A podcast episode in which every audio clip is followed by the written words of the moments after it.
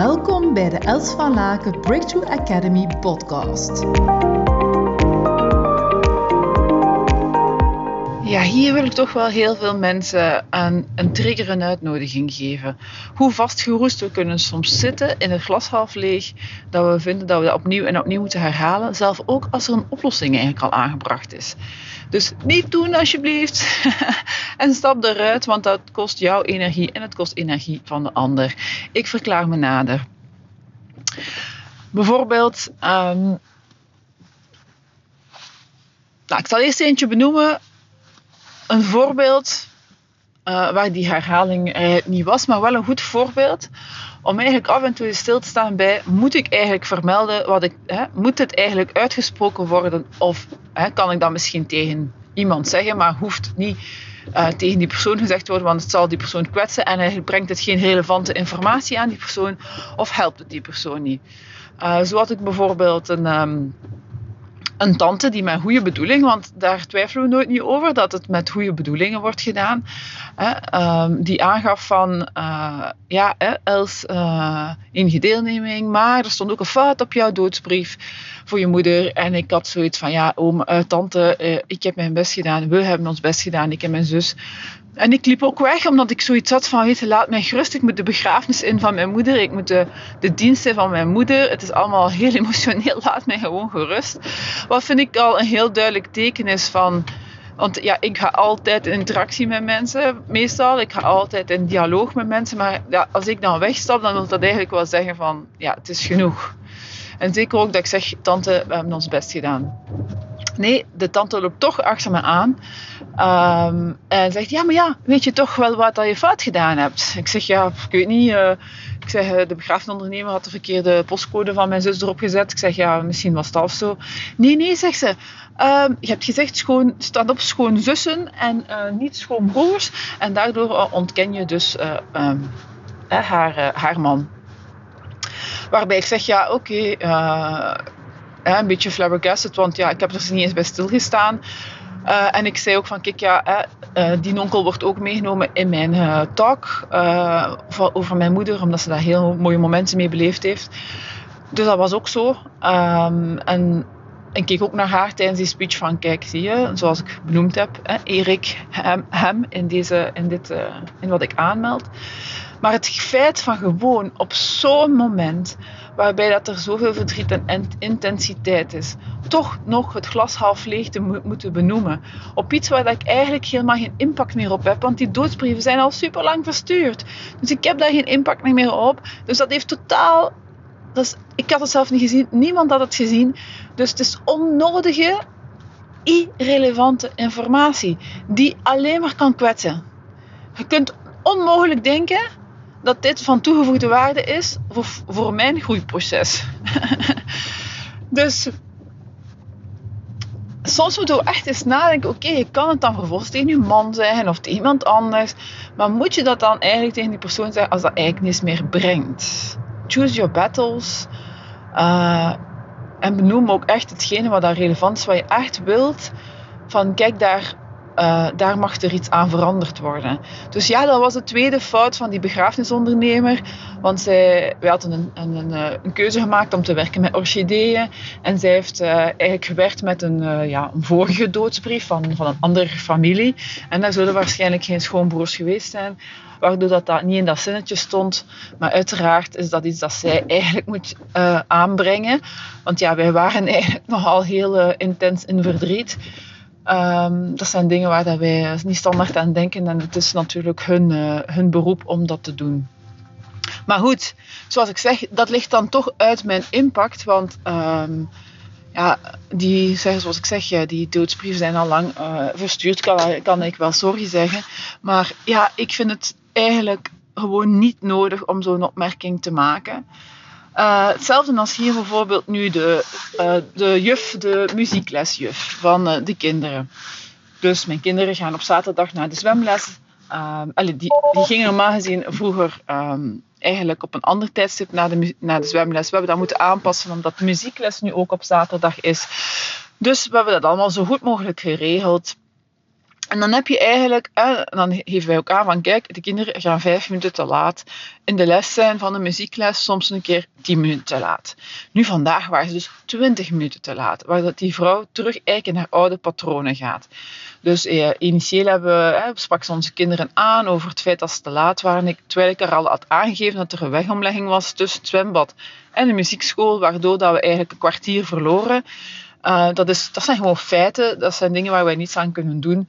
Um, waarbij dat ze eigenlijk heel uh, onempathisch reageerde, zeiden, zeiden, uh, zeggende van kijk, ja, ik heb daar geen dinges mee, dat er daar een wegomlegging is. Die kinderen moeten op tijd op die muziekles zijn. Dus ik heb aangegeven dat ik, dat ik niet meer wou dat ze erop aangesproken waren, omdat dat iets is dat buiten de impact ligt van de kinderen en ook buiten mijn impact ligt. En als de wegomlegging weg was, dat ze dan gewoon terug vijf minuutjes te laat waren. Dus oké, alles draait, alles loopt. De kinderen zijn uh, standaard gaan zij vroeger uit de zwemles, zodat ze maar maximum vijf minuutjes te laat zijn op de muziekles. En dat stroomt eigenlijk al de hele uh, semester. En dus behalve deze ochtend, waarbij dat ze een zwemattest hebben um, gedaan, een zwembrevet. Ze waren super fier. Mama, we zijn te laat, we weten het, maar we hebben een zwembrevet ge gezwommen van 1500 meter. We zijn zo fier, we hadden nooit gedacht. En ik ook, ja, super fier. En tuurlijk, geen probleem. Ik zal wel meegaan naar de juf van de muziekles eh, om dat uit te leggen. Dus ik zeg, ja, eh, sorry dat ze wat te laat zijn, maar ze, ze hebben voor een, een, brevet gezwommen en daarom zijn ze wat te laat. Ah ja, die, die, uh, die vrouw direct. En die zwemles, is dat Hans jaar? Ik zeg, ja, dat is een, ja, dat, is, dat zijn, ja. Ah ja, ja, ja. Ik zeg, ja, en normaal gezien zijn ze vijf minuutjes te laat. En dan, ah en dan blijft ze dus even doordrammen. En dan, oké, laat ik haar even. En dan denk ik van, ja, dan ga ik wel weg. En dan denk ik van, allee, is dit nu eigenlijk nodig? Ze zijn eigenlijk alle keer mooi vijf minuten te laat geweest. That's it. En voor de rest, alles stromend. Nu moet je zelf weten dat... En dat is natuurlijk een confrontatie dat ik, er, dat ik wel zal aangaan in gewoon de transparante communicatie. Als ze toch een opmerking zou maken tegen de kinderen vandaag, dan zal ik een individueel gesprek aanvragen. Om echt even ook te zeggen van, oké, maar als we standaard hier anders gewoon uh, op tijd staan, beginnen jullie vaak de les vijf minuten later. Soms zelfs nog later. Hè? Dus wat is eigenlijk het probleem? Dat ze dan vijf minuten later zijn, waar, uh, dat, wat is er dan eigenlijk waar, uh, nodig om dan de kinderen daar nog eens op te wijzen, terwijl ik het al ben komen uitleggen. Dus dat, dat terug opnieuw drammen en drammen en drammen vanuit dat limbisch brein, die terug gaat gaan vasthangen aan iets uit het verleden, is eigenlijk echt zo oude koeien uit de gracht halen en dan nog eens, op, nog eens en opnieuw nog eens uh, herhalen. Hè. Hetzelfde met, uh, ik denk even aan een businesspartner, hè, die aangaf van kijk, ik zou het graag zo hebben. Uh, vervolgens zeg ik, oh, dat is een goed idee, we gaan het zo doen. En dan vervolgens dus, eh, en we, we, nemen dat ook zo op, lossen dat op die manier ook op en iedereen is super tevreden. En dan vervolgens doen we een nieuw traject en dan, je, hè, dan zegt die businesspartner opnieuw, ja maar ja, we gaan het toch zeker zo oplossen. Ja, ja, we, hebben het al eerder zo opgelost, we gaan het opnieuw zo oplossen. Dat blijven, ja, ik herhalen, herhalen van de oude koeien uit grachten halen, die eigenlijk totaal niet ondersteunend is of helpend is, soms kwetsend is versus onze aandacht en onze energie te, ja, te triggeren, te, te sturen, te, te, te, te brengen naar hetgeen waar we naartoe willen.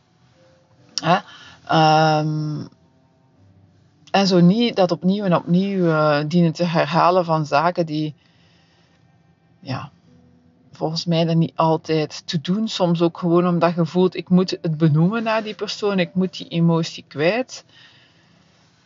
Ja. Kijk gewoon eens van, ja, hoe kan ik het op een lerende manier zeggen? Hoe kan ik het met een lerende manier met elkaar bespreken? Zodat ik mij dan vervolgens kan focussen op de, op de oplossing, hoe dat ik het eigenlijk wil. Dus dat is even een, um, een trigger. Zo van, dien je al die informatie doen? Of is het, e-, gaat het eigenlijk in essentie vooral over jou? En op zich kan er misschien op dit moment niets meer aan veranderd worden. En gaat het zich ook niet herhalen in de toekomst. Dus um, ja, hoef je het niet te benoemen. Uh, of is het voor jou echt wel de moeite waard? Dan zeg je van, kijk, ja, ik, vind, ik wil echt graag een, iets anders. Dan ga je gewoon een feed-forward gesprek aan. En dan ga je samen denken in oplossingen.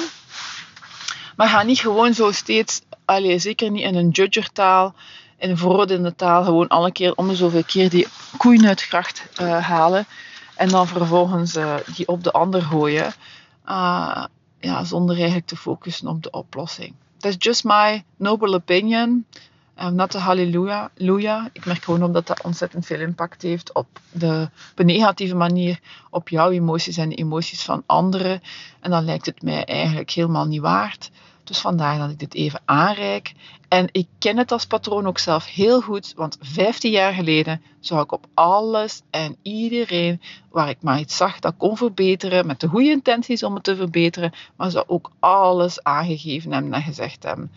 En nu ja, is dat echt veel meer vanuit de essentie. En ook, ik voel bij mijzelf ook altijd, en ik check ook in het veld van, staat die persoon hier open voor of staat die persoon er niet voor? En ik kijk ook van, bij wie spendeer ik mijn tijd en aan wie spendeer ik ook de tijd om, om die te laten groeien. Want sommige mensen staan ook gewoon niet open om te groeien. En dat is ook oké. op dit moment zeg ik altijd. Hè, want er kan een ander moment zijn waar ze daar wel voor openstaan. Oké, enjoy en geniet van deze inzichten en pas vooral toe. Tot hou. Ontzettend dankbaar voor je aanwezigheid. Verspreid samen met mij deze positieve energie en tips. Deel deze podcast op je social media. Wil je graag persoonlijk contact? Mail me op hello@elsvalaken.com. We beantwoorden elke mail. Tot hou!